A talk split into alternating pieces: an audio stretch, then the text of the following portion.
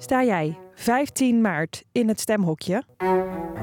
De provinciale statenverkiezingen staan niet altijd bij iedereen helemaal op de radar. De naam van die ene wethouder in je gemeente, die ken je misschien nog wel. Maar geldt dat ook voor een gedeputeerde uit het provinciehuis? En toch worden juist daar belangrijke beslissingen genomen, die direct invloed hebben op jou. Denk aan het aanpassen van de snelheid op een N-weg. Waar komt woningbouw en moet dat ten koste gaan van landbouwgrond? Hoe moet dat hele stikstofdossier sowieso vormgegeven worden? Daar gaat de provincie over. Verschillende mensen uit de samenleving hebben allemaal weer een ander belang bij deze provinciale politiek. In deze podcast vertellen we wie die mensen zijn en wat ze willen. We reizen langs verschillende thema's en verschillende standpunten op die thema's. In deze aflevering gaan we het hebben over water. Naast mij zit verslaggever Peter Knieriem. Peter, jij uh, hebt je de afgelopen tijd bezig gehouden met dit thema. Ja, ik ben er helemaal ingedoken, zeg maar. Goed. Um, bij water denk ik dan vooral aan water uit kraan of um, nou, in de zomer als je gaat zwemmen bij de Munt in Utrecht bijvoorbeeld, daar woon ik in de buurt. Of uh, een stukje verder fietsen naar de Maarseveense plassen. Um, wat heeft de provincie daarmee te maken? Nou, wat, wat de provincie daarmee te maken heeft, is dat zij over de samenhang gaan van al het water in onze provincie. En in hun uh, bodem- en waterprogramma staat ook letterlijk: het systeem stopt niet bij de gemeentelijke grenzen en vraagt om regionale keuzes. Waarbij de provincie Utrecht rekening houdt met gebiedsspecifieke belangen en opgaven. Hele mond vol, maar het komt er eigenlijk op neer: ja, een rivier uh, die loopt niet in één gemeente, maar die loopt door de hele provincie. De Vecht of de Lek loopt langs verschillende gemeenten. En ja, als je, als je zegt één gedeelte van die rivier, daar moeten we wat mee. Dan moet je ook met het andere gedeelte van die rivier wat. En dan moet de provincie daar als een soort ja, helikopter boven hangen. En moet dan dus zeggen, we gaan het zo aanpakken. Dus het gaat eigenlijk om, zij hebben over in de hele provincie moeten zij samenhang vinden tussen de verschillende wateren. Eigenlijk zijn er een, aantal belangrijke dingen bij water. Water moet schoon zijn. Moet natuurlijk... Uh, Wel eens lekker dat is wel eens lekker. uh, en het, moet, ja, het is een eerste levensbehoefte, dus moet het schoon zijn. Je moet het uit de kraan kunnen halen. Het is ook wel fijn als het water geen last veroorzaakt. Dus dat er geen dijken doorbreken. Uh, ja, dat, er, uh, dat, dat de bron niet overstroomt als het een keer hard regent. En water is ook belangrijk in combinatie met duurzaamheid. Want dat merken we de laatste tijd heel veel.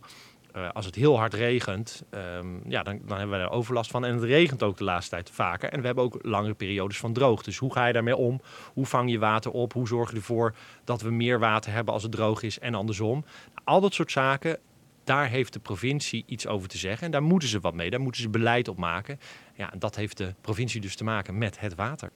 Jij bent daar dus helemaal uh, ingedoken, zoals je het net al een beetje gekgerend zei. Maar dat is natuurlijk wel echt zo. Uh, je hebt allerlei mensen gesproken die een bepaald belang hebben bij water. Um, best een groot onderwerp, kan ik me voorstellen. Zeker, want er is ook, ook overal water in onze provincie. We hebben verschillende plassen, we hebben verschillende rivieren en mensen vinden daar wat van. En ik ben de hele provincie eigenlijk een beetje doorgereden om te praten over water en bodem.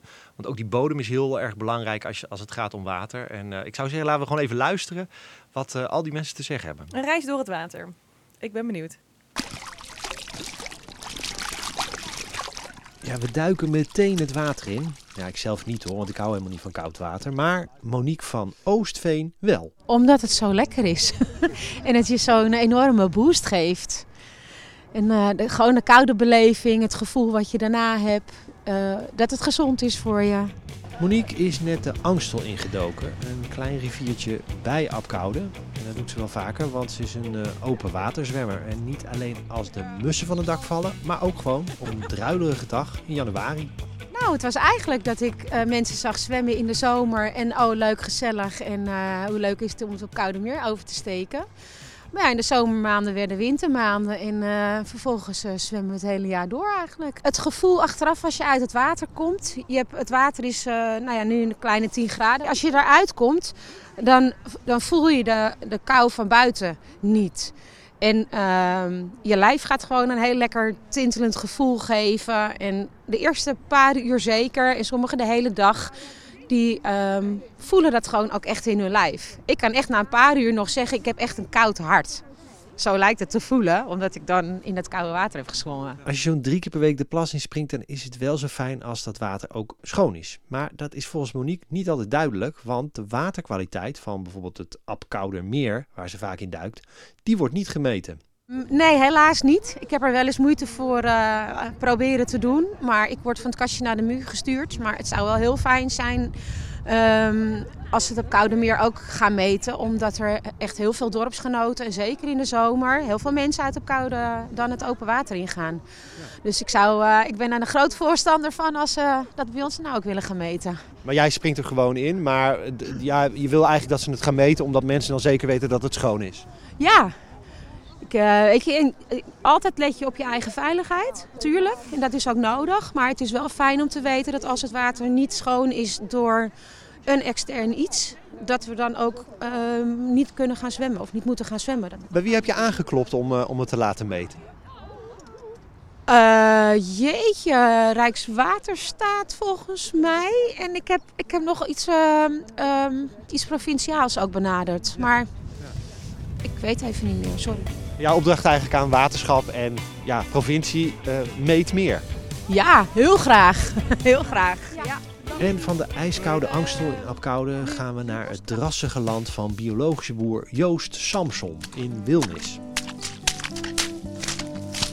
We staan op jouw land. Normaal gesproken staan hier koeien, maar die staan inmiddels al op stal. Ja, dat klopt. Ja, ze zijn dit jaar lang buiten gebleven. Meestal is het uh, oktober dat ze naar binnen gaan. Maar nu hebben we tot een heel eind in november de koeien buiten gehad. Uh, overdag in ieder geval, s'nachts waren ze al binnen. En uh, dat is op zich mooi. We willen ze zo lang mogelijk buiten houden. Ja, maar dat buiten houden van die koeien, dat kan alleen als de grond niet te drassig is en het grondwaterpeil niet te hoog. En daar zit hem nou juist het probleem, want de grond hier in het veenweidegebied mag ook weer niet te droog zijn. Want dat heeft ook weer nadelige gevolgen, namelijk bodemdaling. De bodemdaling is al uh, duizend jaar aan de gang, sinds de ontginning. In het begin werd hier akkerbouw uitgevoerd en dan heb je sowieso veel inklinking.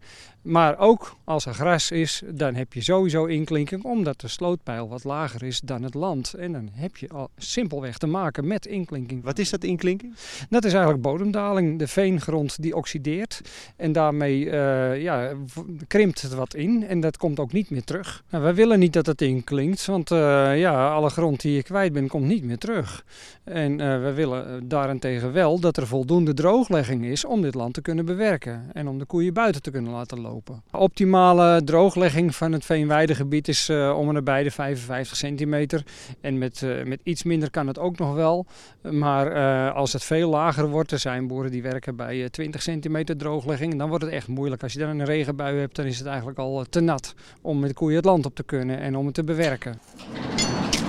We zijn inmiddels even naar de schuur gelopen, van het land naar de schuur.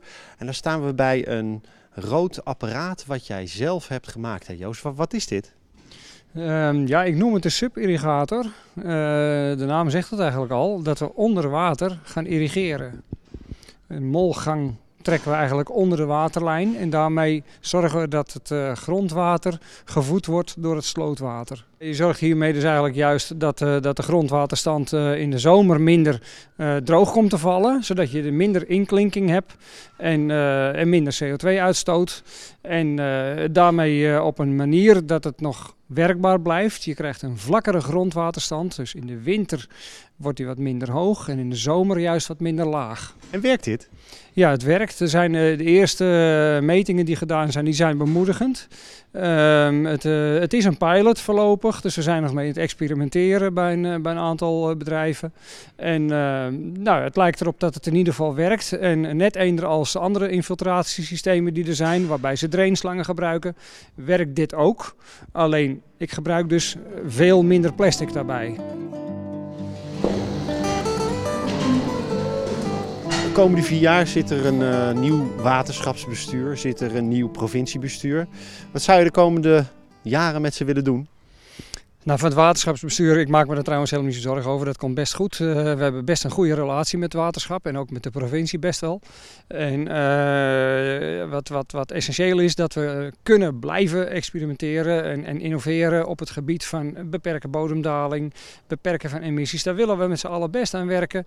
Maar geef ons daar de ruimte in en uh, zit ons niet te veel op te jagen daarin. Want dingen hebben gewoon tijd nodig en kosten ook geld. En dat kunnen we ook niet uit onze eigen zak betalen betalen. Want wij kunnen niet eenzijdig de melk maar even duurder maken om bepaalde dingen te faciliteren. Dat gaat simpelweg niet. Daar hebben we ondersteuning in nodig. En help ons daarbij. Jaag ons niet op, maar help ons juist. En van het drassige veenweidegebied reizen we af naar de andere kant van de provincie. Onder de rook van Leusden ligt landgoed Den Treek. De herten hebben hier nog gelopen vannacht. De herten? Ja. De reeën die hebben hier gelopen. Je ziet de sporen nog zo hier in het, uh, het zand staan. Hier zie je de afdrukjes nog, uh, die zijn hier vanochtend nog geweest, denk ik. Waar ik afgesproken heb met de man die alles weet over weersextremen. Nico Wanders. Uni Wanders. Ja. Universiteit Utrecht, hydroloog. Als het langdurig droog is of juist heel nat, dan staat zijn telefoon roodgloeiend.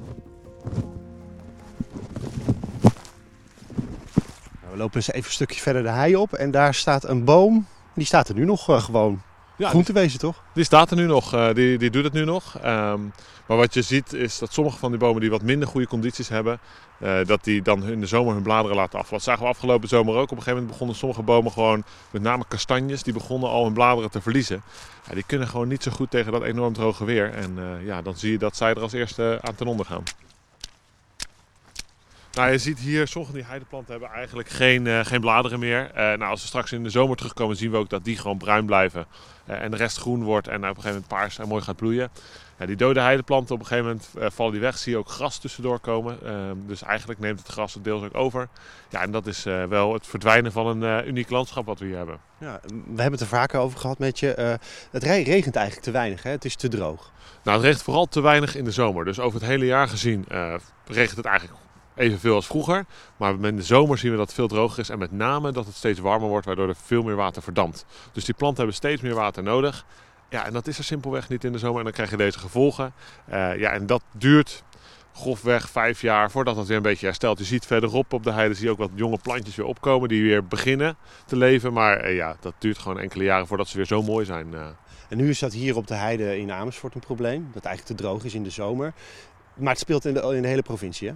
Ja, je ziet door de hele provincie. Het is een uh, exemplarische plek, want je ziet het heel visueel. Je ziet het, uh, maar je ziet op alle andere plekken bomen die doodgaan. Uh, we hebben gezien andere heidegebieden zie je hetzelfde gebeuren. Eigenlijk dus als je van de zomer een eens loopt, dan zul je dat helaas ook zien. en de natuur in het algemeen heeft daar last van. nou, dan hebben we natuurlijk nog als gevolg van die droogte ook problemen als bodemdaling die sneller gaat. of andere watertekorten, verzilting in sommige delen van de provincie. Dus ja groot probleem veroorzaakt door klimaatverandering. Uh, ons klimaat verandert waardoor er ja, droger is. Um, hoe moeten we dit gaan oplossen? Nou ja, een deel zal zijn dat we sommige schade moeten accepteren. Dus soms kunnen we gewoon niet meer alles doen wat we vroeger konden doen. Uh, dat is helaas. Uh, maar een ander deel zijn echt schades die we niet willen hebben. Zo'n bodemdaling, dat komt nooit meer terug. Dus daar moeten we proberen een stop op te zetten, vroeg. En hier op de hei dan bijvoorbeeld, moeten ze dan uh, in de zomer hier constant staan sproeien? Of waar, waar, moet ik aan denken dan? Ja, als je hier op de hei kun, je kan in natuurgebieden niet gaan sproeien. Dus wat het is, is structureel de grondwaterstand verhogen, ook in de gebieden hieromheen. Als je in de gebieden om de hei het water, water, omhoog brengt, dat betekent dat het water wat op de hei valt minder snel wegstroomt naar zee. Uh, en ook hier langer blijft vaststaan. En, en nou, dat is eigenlijk wat we willen in al die natuurgebieden. Want ja, dat zorgt ervoor dat er meer buffer is. En dat is iets wat we eigenlijk al sinds de jaren 70 zien, dat het steeds lager, lager, lager, lager, lager gaat. Maar we zien nu met klimaatverandering moet het eigenlijk omhoog, want anders hebben we die buffer helaas niet. Um, maar ik kan me voorstellen dat de boeren in de omgeving daar wat minder blij mee zijn met zo'n uh, groot, uh, een hoog grondwaterpeil. Nee, dat zul je zien dat dat voor de boeren sommige plekken nadelige gevolgen heeft. Je ziet ook dat de nationale overheid zei een paar weken geleden, uh, het grondwater moet overal omhoog om meer buffer tegen bodemdaling, tegen droogte. dus dat is al een nationaal beleid wat, wat gevoerd gaat worden. Maar je ziet aan de andere kant ook dat boeren zien dat ze steeds vaker schade hebben en dat ze steeds vaker minder dingen kunnen doen. Dus ook zij zien, dit kan zo niet doorgaan. Dus ook daar zie je dat sommige boeren echt wel zeggen, van, ja dat moet. Want ik wil mijn landbouwgebied ook, ik wil wel kunnen irrigeren als het droog is. Ik wil wel mijn oogst kunnen behouden. Een ingewikkelde balans dus tussen enerzijds het tevreden houden van de boeren en anderzijds het veiligstellen van de natuur. Iets waar waterschap en provincie samen in moeten optrekken. Nu is dat nog heel erg verdeeld. De provincie gaat over het regionale grondhouden, dus echt de grote gebieden. En het waterschap over wat lokaal gebeurt. Ja, dat maakt het ook heel lastig om structureel dat soort maatregelen bijvoorbeeld voor grondwater te nemen. Dus moeten ze eigenlijk beter, samenwerken, waterschap en provincie? Nou, ze werken al samen op het gebied van grondwater. Maar als je zo'n gebied als de Treek hier wil beschermen, dat heeft gewoon gevolg voor regionaal en lokale maatregelen zijn daarvoor nodig. En daar zullen ze samen in moeten optrekken van hoe kunnen we dat doen. En zeker op de lange termijn is dat echt iets waar je met z'n allen achter moet gaan staan. Want als één partij het wel wil en de andere partij minder, dan wordt het een heel lastig verhaal. Dus we moeten echt met z'n allen dat, eh, dat, die stap voorwaarts. Hebben het waterschap en de provincie dan een andere visie als het gaat om uh, ja, klimaatverandering? Nee, ik denk dat iedereen de noodzaak van klimaatverandering ziet. Alleen ik denk dat de prioriteiten bij de een op de andere plek liggen dan de ander. Waterschap houdt zich volledig bezig met water natuurlijk. En de provincie heeft ook grotere uitdagingen te gaan, zoals uh, stikstof en allerlei grote thema's. Dus het is meer waar focus je op en uh, hoe snel focus je daarop. Maar er moet wel wat gebeuren, hè? want uh, ja, we staan hier nu nog bij een prachtig heidegebied. Bestaat het er over tien jaar nog?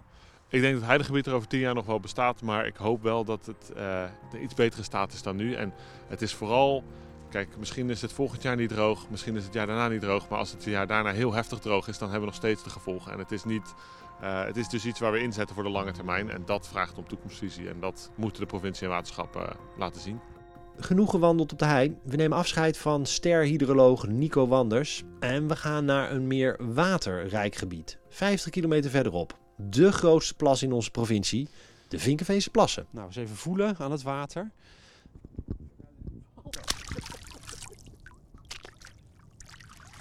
vooral heel koud. En het ziet er goed uit. Je kunt echt helemaal tot op de bodem kijken hier aan de rand van de Vinkveense plassen. Plas lijkt dus goed onderhouden te worden. En ja, dat moet ook zo blijven. Dat vinden ondernemers en de natuurvereniging. Maar toch is er discussie over ja, hoe die plas het best onderhouden kan worden. Ja, ik heb zelf ook een boot en ik vaar hier gewoon uh, regelmatig met mooi weer. Hè? Ja. Het is iedere recreant. Ik heb hier nog gezwommen als kleine jongen hier. Ja, op, de, op de Zandheilanden. Ja. we hebben een recreatiebedrijf uh, naast aan de zuidkant van de Vinkenveense plassen. Met allemaal zomerhuisjes. Je hoorde ras Vinkenveener Ben van Rijn. Ja, heb je hem op rek gehoord? Ondernemer dus en daarnaast de voorzitter van de ondernemersvereniging in Vinkenveen. Nou, bij mooi weer is het hier, uh, nou, gelukkig is het hier druk aan, want de mensen die moeten ook wat verdienen. Ik bedoel, de boel moet ook allemaal in stand gehouden worden. Akkertjes moeten bijgehouden worden, het kost allemaal geld. Dus uh, wij, wij gaan echt voor een recreatieve bestemming op de plas. Maar daarbij kun je opmerken dat het eigenlijk vooral in de zomer is als het mooi weer is. Even over dat bestemmingsplan, want er wordt al heel lang gesproken over een nieuw bestemmingsplan voor de Vinkenveense plassen. Waarom moet dat nieuwe bestemmingsplan er komen? Nou, volgens mij is het, ben je verplicht als overheid om om zoveel tijd een bestemmingsplan uh, opnieuw vast te stellen. En uh, nou, dan gaat het er even om dat het aan alle wetten voldoet, voldoen die nu gelden, zeg maar. En uh, nou, daar gaat het een beetje schuren natuurlijk, want er zijn zoveel wetten tegenwoordig dat, uh, dat het moeilijk is om daaraan te voldoen. De Vinkveese plassen, eigenlijk een hele bijzondere plas, want er liggen legakkers op. Wat, wat zijn dat? Nou, legakkers zijn uh, hele smalle stukjes stroken land door de plas heen. Die zijn ontstaan door de vervening. Eigenlijk alles wat geen legakker is, dat is er tussenuit geveend. En kijk, vroeger was het gewoon grasland natuurlijk en dat is gewoon uitgeveend, zeg maar. En inmiddels zijn het een soort ja, eilandjes op de Vinkveesplassen, zeg maar, die legakkers. Die strookjes worden dus gebruikt voor recreatie. Dat is ook het enige waar ze aantrekkelijk voor zijn. Dus uh, nou, die mensen recreëren er gewoon lekker op. Alleen bij mooi weer in de zomer. Nou zegt de natuurvereniging en de provincie dus ook van die natuur hier is belangrijk. Er zitten hier zeldzame vogels, uh, er zwemmen hier vissen. Er, ja, en dat, dat moet behouden blijven. Ja, wat er zit aan zeldzame vogels, dat blijft echt wel behaald. Dat wordt zeker niet drukker. Door als deze vergunning verleend wordt, de bestemmingsplan, wordt het niet drukker van. Maar uh, het valt ook wel mee met wat er zit. Er is onderzoek gedaan door uh, het ingenieursbureau en er zit helemaal niet zo heel veel apart uh, spul hoor. Er zijn een paar kroonheden die hier zitten. Ja, die leven hier toevallig en die leven van, door het heldere water. Nou, je kunt zien, het is hartstikke helder hier. Toch kan ik me ook voorstellen, er is wel eens een discussie geweest hier over of er hier speedboten moeten kunnen varen. Ja, op het moment dat die er uh, hier massaal uh, aanwezig zijn en heel Amsterdam en heel Utrecht komt hier recreëren, kan me voorstellen dat het niet goed is voor die plas. Nee, maar dat zal, ook niet gebeuren. Het is een heel rustige plas altijd. En wat er in Hartvaren gebeurt, dat is vooral uh, qua jongenswerk, denk ik. En een stukje handhaving zal dat al, al tegenhouden, denk ik. Een wedstrijd tussen de natuur en de ondernemers op de plassen. Zo noemt Van Rijn het. En die natuur die krijgt nogal veel steun van de provincie, vindt hij. Je ziet wel dat de provinciale overheid heel erg naar de natuurkant toetrekt. Dat zie je elders in Utrecht ook. En dat zie je hier dus ook. Dus eigenlijk hebben wij vanuit de provincie weinig steun van. Uh, ja, als ondernemer hebben wij weinig steun van de provincie. Wat vind je daarvan als uh, ondernemer? Dus dat de natuur hier belangrijker is dan recreatie? Nou, ja, natuur is altijd belangrijk. Niemand is tegen natuur. Maar daarnaast kun je, zoals ik net al zei, het is hier zo rustig meestal.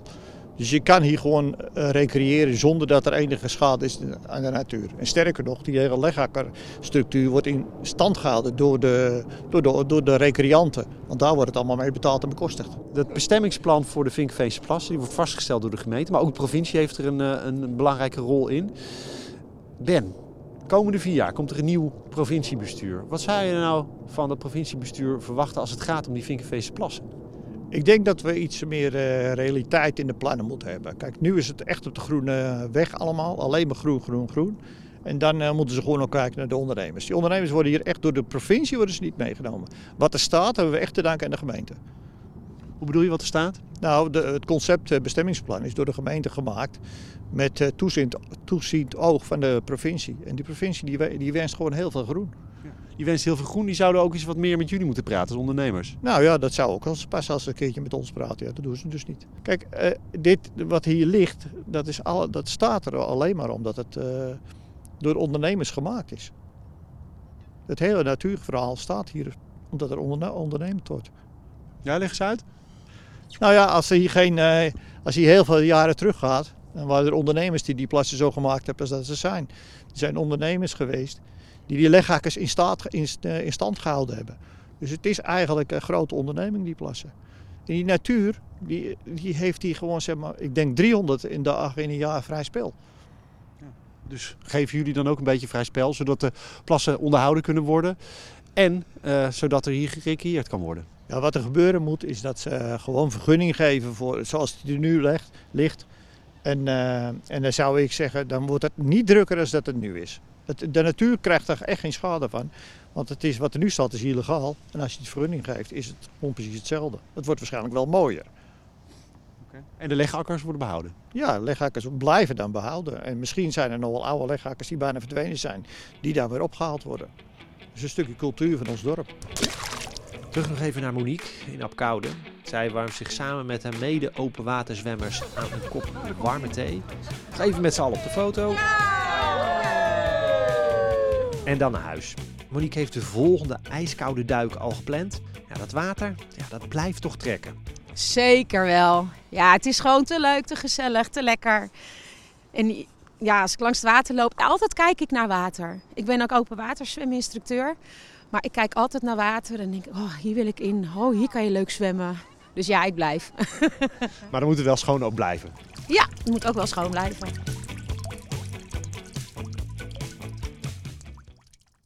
Ja, ik, ik raak bijna overtuigd van deze Wim Hof methode, maar ik, uh, ik ben niet zo'n um, ik ben niet zo iemand die uh, echt een kou gaat. Mijn vriend die gaat ook koud douchen en zo, maar oh, ik, ik ben daar niet van. Ik heb daar heel veel bewondering voor, maar ik denk altijd wel een beetje van is toch een beetje masochistisch om dat te doen. Het, het schijnt wel dan wel weer heel gezond te zijn. En uh, ja. nou, niet, niet voor Warm schijnt ook uh, lekker te zijn. Daar hou ik het maar bij. Daar houden we het bij. We hebben een uh, flinke reis gevaren dan dit keer door het water. Wat ik me nog afvraag, we hebben het de hele tijd over water gehad in het kader van die provinciale verkiezingen. Maar dan vergeten we misschien bijna die waterschappen. We hebben, mogen nog iets aankruisen in dat hokje. Ja, we hebben zeg, maar liefst vier waterschappen in onze provincie. De grootste is de Hoogheemraadschap De Sticht Rijnlanden. Dus de meeste mensen in onze provincie uh, zetten daar dan een vinkje bij. Als je voor de provincie gaat stemmen, kan je dus ook voor het waterschap uh, stemmen. En waar stemmen we dan in vredesnaam op? Nou, op een partij binnen het waterschap. En uh, het is wel inderdaad zo dat het waterschap minder politiek is dan al die andere eh, bestuursorganen, ook dan de provincie. Maar er zijn wel degelijk thema's waarin de verschillende waterschapspartijen anders denken. En dan eh, een belangrijk eh, voorbeeld is bijvoorbeeld het waterpeil. Het is echt zo'n thema waarin echt Voor de wel boeren, hè? voor de boeren heel erg belangrijk. Eh, die willen eigenlijk dat dat grondwaterpeil niet te hoog is, want dan kunnen ze de koeien niet op het weiland laten. Daarin zijn echt wel verschillen, want hè, de, de, men zegt dat als het grondwaterpeil heel laag is, dan krijg je inklinking van het veen. Dat is een beetje technisch. Daardoor krijg je oxidering en eh, komt er eh, CO2 vrij. En dat is niet goed. En je moet je ook bedenken, iedereen betaalt ook voor dat waterschap. En vandaar dat we ook mogen stemmen. En dat is best wel een bomduiten. Dus ze nemen er allerlei belangrijke beslissingen over het water, waarin ze af en toe echt wel een andere mening hebben. Dus daarom is het echt zo belangrijk dat je ook voor dat waterschap, als je toch voor de provincie gaat stemmen, ook even dat vakje aankruist eh, voor het waterschap. En er dus even in verdiept. Precies, en dat is heel belangrijk. En dat is wat lastiger, omdat er geen kieswijzer is. Maar je kunt wel al die partijprogramma's gewoon vinden op internet. Ehm, verdiep je er even in en dan eh, maak een keuze.